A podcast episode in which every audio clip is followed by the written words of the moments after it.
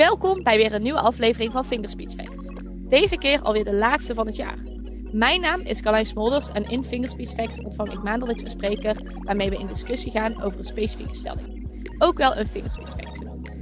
Tijdens de vorige podcast sprak ik met Mike Walter over hoe personalisatie tegenwoordig essentieel is binnen de Customer Journey. Deze podcast luister je ook terug via dit account en is zeker even de moeite waard om terug te luisteren, mocht je dat nog niet hebben gedaan. En de stelling waar we het vandaag over gaan hebben is een strategisch aanvalsplan is het fundament voor je marketingcampagnes. En bij mij in de studio is vandaag Rames Kader, manager online marketing bij Fingerspeed. Welkom Rames, wat leuk dat je er bent. Hey Carlijn. Super. Hey, um, we gaan het vandaag natuurlijk hebben over het bouwen van een uh, strategisch aanvalsplan. Iets uh, wat jij als essentieel ziet voor marketingcampagnes. Nou, klinkt ergens natuurlijk heel vanzelfsprekend, uh, erg voor de hand liggend. Maar als je het even heel concreet moet maken, uh, waarom is het nu eigenlijk zo belangrijk, zo'n marketingstrategie? Goede vraag, Klein. Het is met name belangrijk om goed na te denken over je strategie. voordat je vol de kraan openzet met, met allerlei campagnes waar je mee van start wil gaan. Um, het is ook goed om terug te blikken op het afgelopen jaar hè, en leer daar dan ook van. Probeer de lessen van vorig jaar mee te nemen ook naar het komende jaar. En hierbij is het daarnaast ook belangrijk dat je je fundament nog eens goed onder de loep neemt. Iets wat vaak wordt vergeten en vaak wordt er direct ook doorgedenderd op hey, hoe willen we de strategie, welke tactieken willen we gaan toepassen. maar daarbij is het wel belangrijk om dus eerst het fundament nog eens onder de loep te nemen. Bijvoorbeeld de stip op de horizon uh, die je hebt. Wat wil je bereiken qua doelstellingen. Maar ook wie is je doelgroep nou ook alweer. Ook al lijkt dat soms heel erg voor de hand liggend. Um, het is altijd goed om daarop in te zoomen. En uh, bijvoorbeeld na te gaan wat nou zaken zijn die er spelen bij je eindgebruikers. Nou, en daarnaast dus ook nog eens um, of jouw waardepropositie daar dan ook bij aansluit vaak zie je dat, in, uh, dat dit nogal voor lief wordt genomen en denk je dat dat al wel redelijk goed scherp is en goed staat. Maar als je er echt op inzoomt, dan zie je vaak dat er nog wel veel winst te behalen valt. En hoe sterk je fundament, hoe beter je campagnestrategie daar ook uh, op ingericht kan worden. Ja, je zei het net natuurlijk al even, hè, denk na voordat je die kraan zomaar uh, openzet en een hoop geld gaat uitgeven. Dus ja. eigenlijk komt er heel erg op neer dat je uh, om te zorgen dat je geen geld verspilt. Dat je daarom eerst goed nadenkt over die strategie in plaats van dat je klakkeloos aan de slag gaat. Precies, ja. Oké, okay, nou, klinkt vrij logisch. Uh, maar als je dan gaat kijken, Ramen, zijn natuurlijk uh, best wel wat dingen waar je dan rekening mee moet houden bij het opzetten van zo'n strategie. Uh, je hoort natuurlijk ook, hè, de laatste tijd is er heel veel gaande in de wereld. Eh, de markt verandert daardoor. Hoe zie jij dat voor je? welke impact heeft dat? Ja, goede, goede vraag. En ik denk ook zeker op dit moment natuurlijk spelen er best wel belangrijke dingen op macro-economisch gebied. Nou, wie kent ze niet? De krantenkoppen van tegenwoordig, waarin je uh, bijvoorbeeld ziet uh, dat de oorlog in Oekraïne uh, een grote impact heeft op de ja, wellicht net herstelde economie. inflatiecijfers die sterk lijken te stijgen, bijvoorbeeld volgens het Internationaal Monetair Fonds.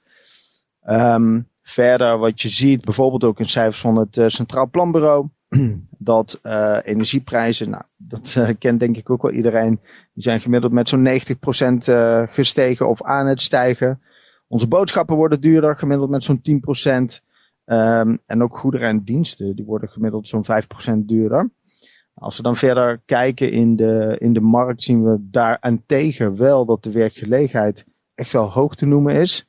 Aantal vacatures bijvoorbeeld per 100 werkzoekenden is dit jaar nou, denk meer dan verdubbeld ook ten opzichte van 2019, uh, wat we zien in, uh, in onderzoeken. Um, en als we die vertaalslag dan maken naar het online landschap, dan zien we daar ook een daling van ongeveer 12 procent. Uh, als we kijken naar digitale groei, kijken naar leadwaarde en omzet. Um, en wat daarbij komt is, los van die daling die we zien in het online landschap, dat dan even te, ter vergelijking met uh, 1, 2 jaar geleden, uh, zien we ook dat de marges erg onder druk staan. Dus dat is ook wel een hele belangrijke om, uh, om rekening mee te, mee te houden. En als we nu kijken naar wat de speerpunten zijn voor een 2023, om in ieder geval rekening mee te houden in je online strategie of in je strategie überhaupt. Dus enerzijds behouden van mensen. Wat, ga je daar, wat ga je daaraan doen? Het behouden van je marges. Hoe zorg je ervoor dat je rekening houden met die marges effectief inkoopt. En uh, ander punt wat we zien is meetbaarheid. Daar liggen echt wel grote uitdagingen voor veel bedrijven. Hoe zorg je ervoor dat je meetbaarheid verbetert en dus ook meeneemt in je strategisch plan voor volgend jaar? Ja, dus eigenlijk wat jij zegt, Raam, is dat je vanuit die drie speerpunten echt moet gaan kijken van oké, hoe gaan wij onze marketingstrategie zo inrichten dat we rekening houden met de drie belangrijke pijlers eigenlijk. Ja, zo moet je het zien. En het zijn natuurlijk best wel flinke uh, veranderingen. Ze klinken ook allemaal best wel uh, ja, ellendig, als ik het zo mag zeggen. Maar ik ben blij dat je in ieder geval die speerpunten noemt. Om ja, aan te geven dat er toch in ieder geval uh, licht is aan het einde van de tunnel. Um, maar hoe schrijf je dan, hè, ondanks alles wat er speelt, onzekerheid, noem maar op. Toch een passende strategie. Lijkt me best wel lastig. Ja, dat, natuurlijk, dat is ook zo. Het is een uitdagende marktontwikkeling uh, waar we met z'n allen in zitten. maar dat geeft ook weer mooie uitdagingen. En daarbij is het ook juist belangrijk om goed na te denken over je strategie. En rekening houden met de ontwikkelingen die er gaande zijn. Uh, wij hanteren altijd een heel handig zeven stappenplan, zoals wij dat noemen. Dat noemen we ons eigen Digital Growth Canvas, Growth Marketing Canvas, om tot een goede strategie te komen. Nou, die zou ik straks ook graag even met je doornemen als we daar tijd voor hebben. Maar sowieso een paar tipjes van de flyers, of tips die ik graag mee zou willen geven is, um, allereerst maak geen drie tot vijf jaren plan, maar plan echt op volgend jaar. Dus of je volgende boekjaar. Focus in ieder geval op ongeveer 12 maanden. Dat geeft vaak de beste planningen. En zorg daarin ook dat je dus continu ook agile kunt werken en bij kunt stellen. daarnaast zorg dat je zo concreet en duidelijk mogelijk je plan ook maakt. waak dan ook voor vage strategieën. zodat het ook voor collega's heel duidelijk is waar je nou precies naartoe wil met je plan. Um, en vanuit die hoek ook een belangrijke tip is, uh, nou ik zeg het altijd zo, 20 dia's, 60 minuten. Zorg ervoor dat je focus hebt en gerichte prioriteiten hebt ook binnen je plan. Um, als je plan eigenlijk niet binnen een uur gepresenteerd kan worden, dan weet je het eigenlijk dat het al misschien veel te groot is. En uh, veel te chaotisch misschien ook wel om uh, daarop echt ook op te kunnen gaan sturen. Um, en de laatste tip die ik uh, nog mee wil geven is start altijd met het sluiten van het plan ook van vorig jaar. Dus wat zijn daarin de lessen die je meeneemt? Wat zijn daarin uh, ja, de learnings die je meeneemt ook richting dit jaar, ofwel benchmarks? Ja, en je gaf het ook al aan, hè, van gewoon, wij doen dat zelf aan de hand van die zeven stappen, uh, Growth Marketing Canvas. Nou, uh, we hebben uiteraard uh, wat tijd hiervoor genomen om te zorgen dat jij dat nog wat verder kan toelichten. Mm -hmm. Dus ik ben eigenlijk heel benieuwd, Rames, wat is dan die eerste stap? Waar, waar begin je bij zo'n strategie mee? Nou, het zeven stappenplan wat we daarin hanteren, we starten daarin altijd bij de doelgroep.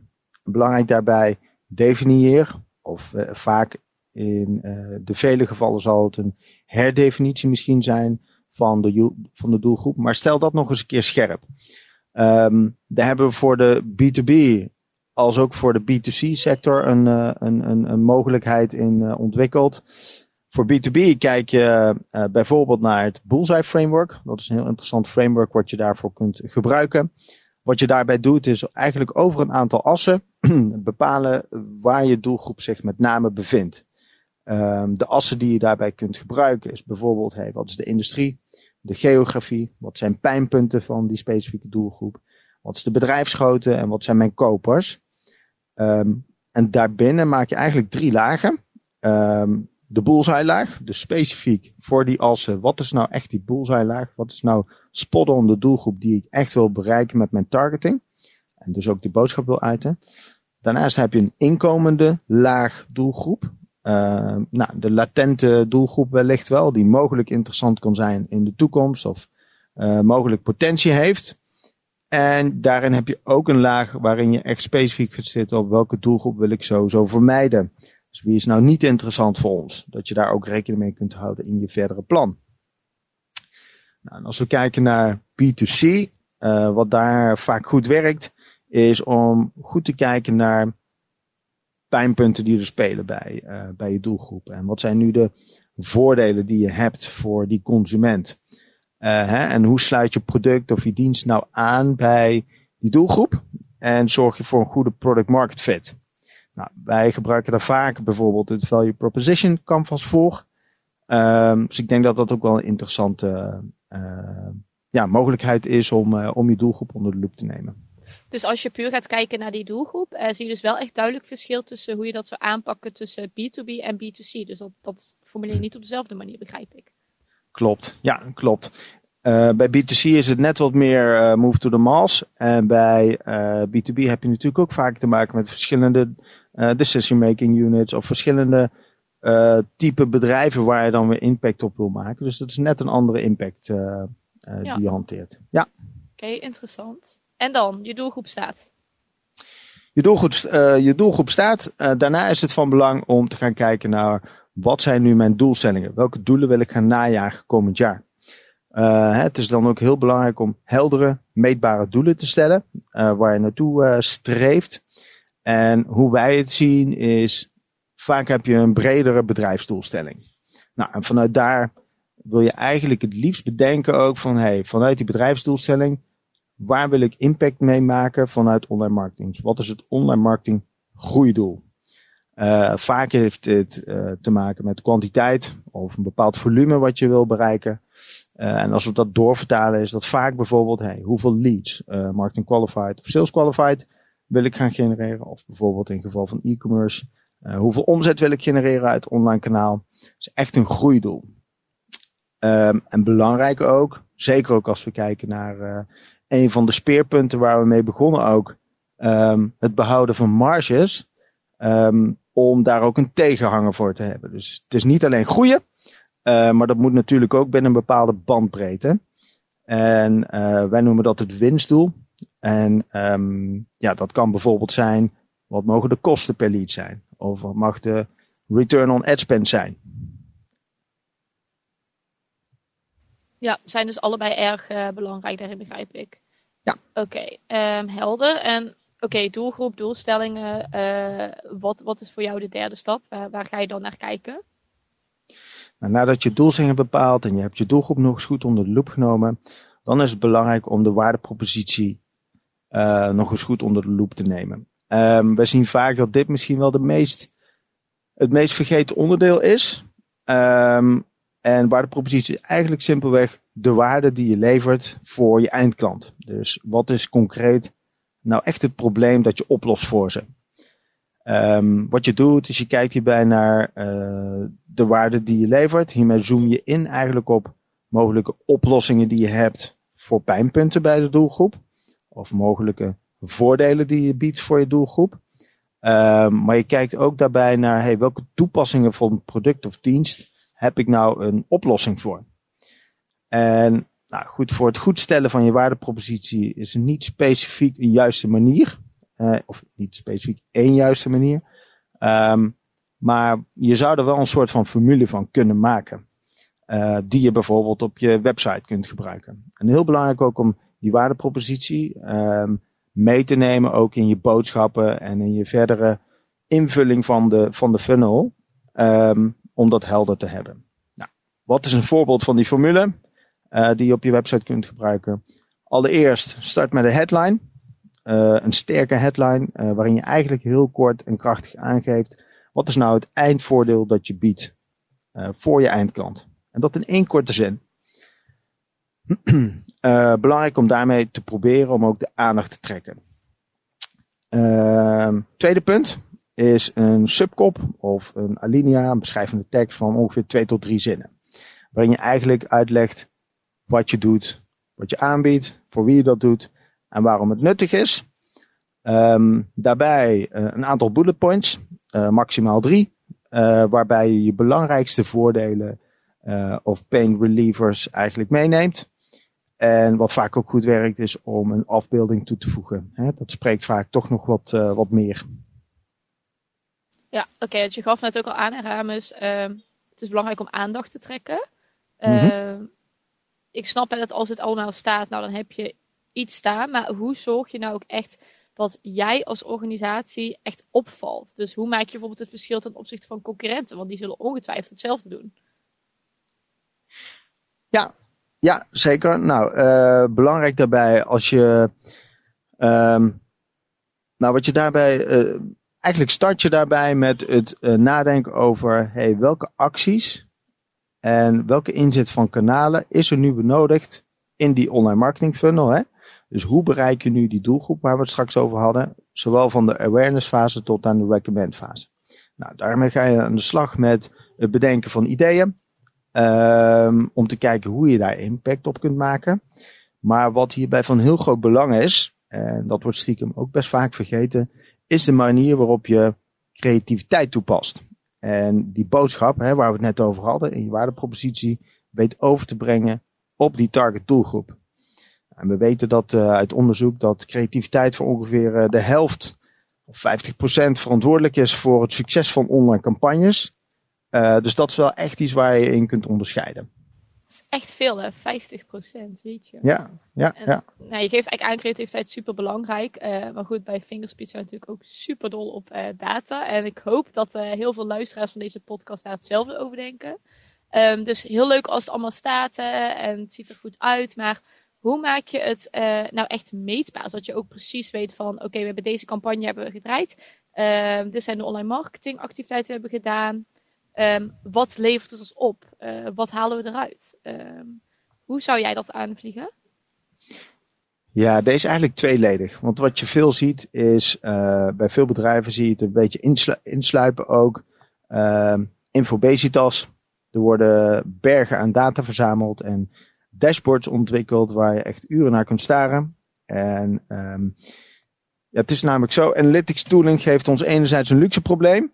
Uh, we hebben heel veel data beschikbaar en er zijn verschillende toolings en, en uh, mogelijke databronnen waar we data uit kunnen halen.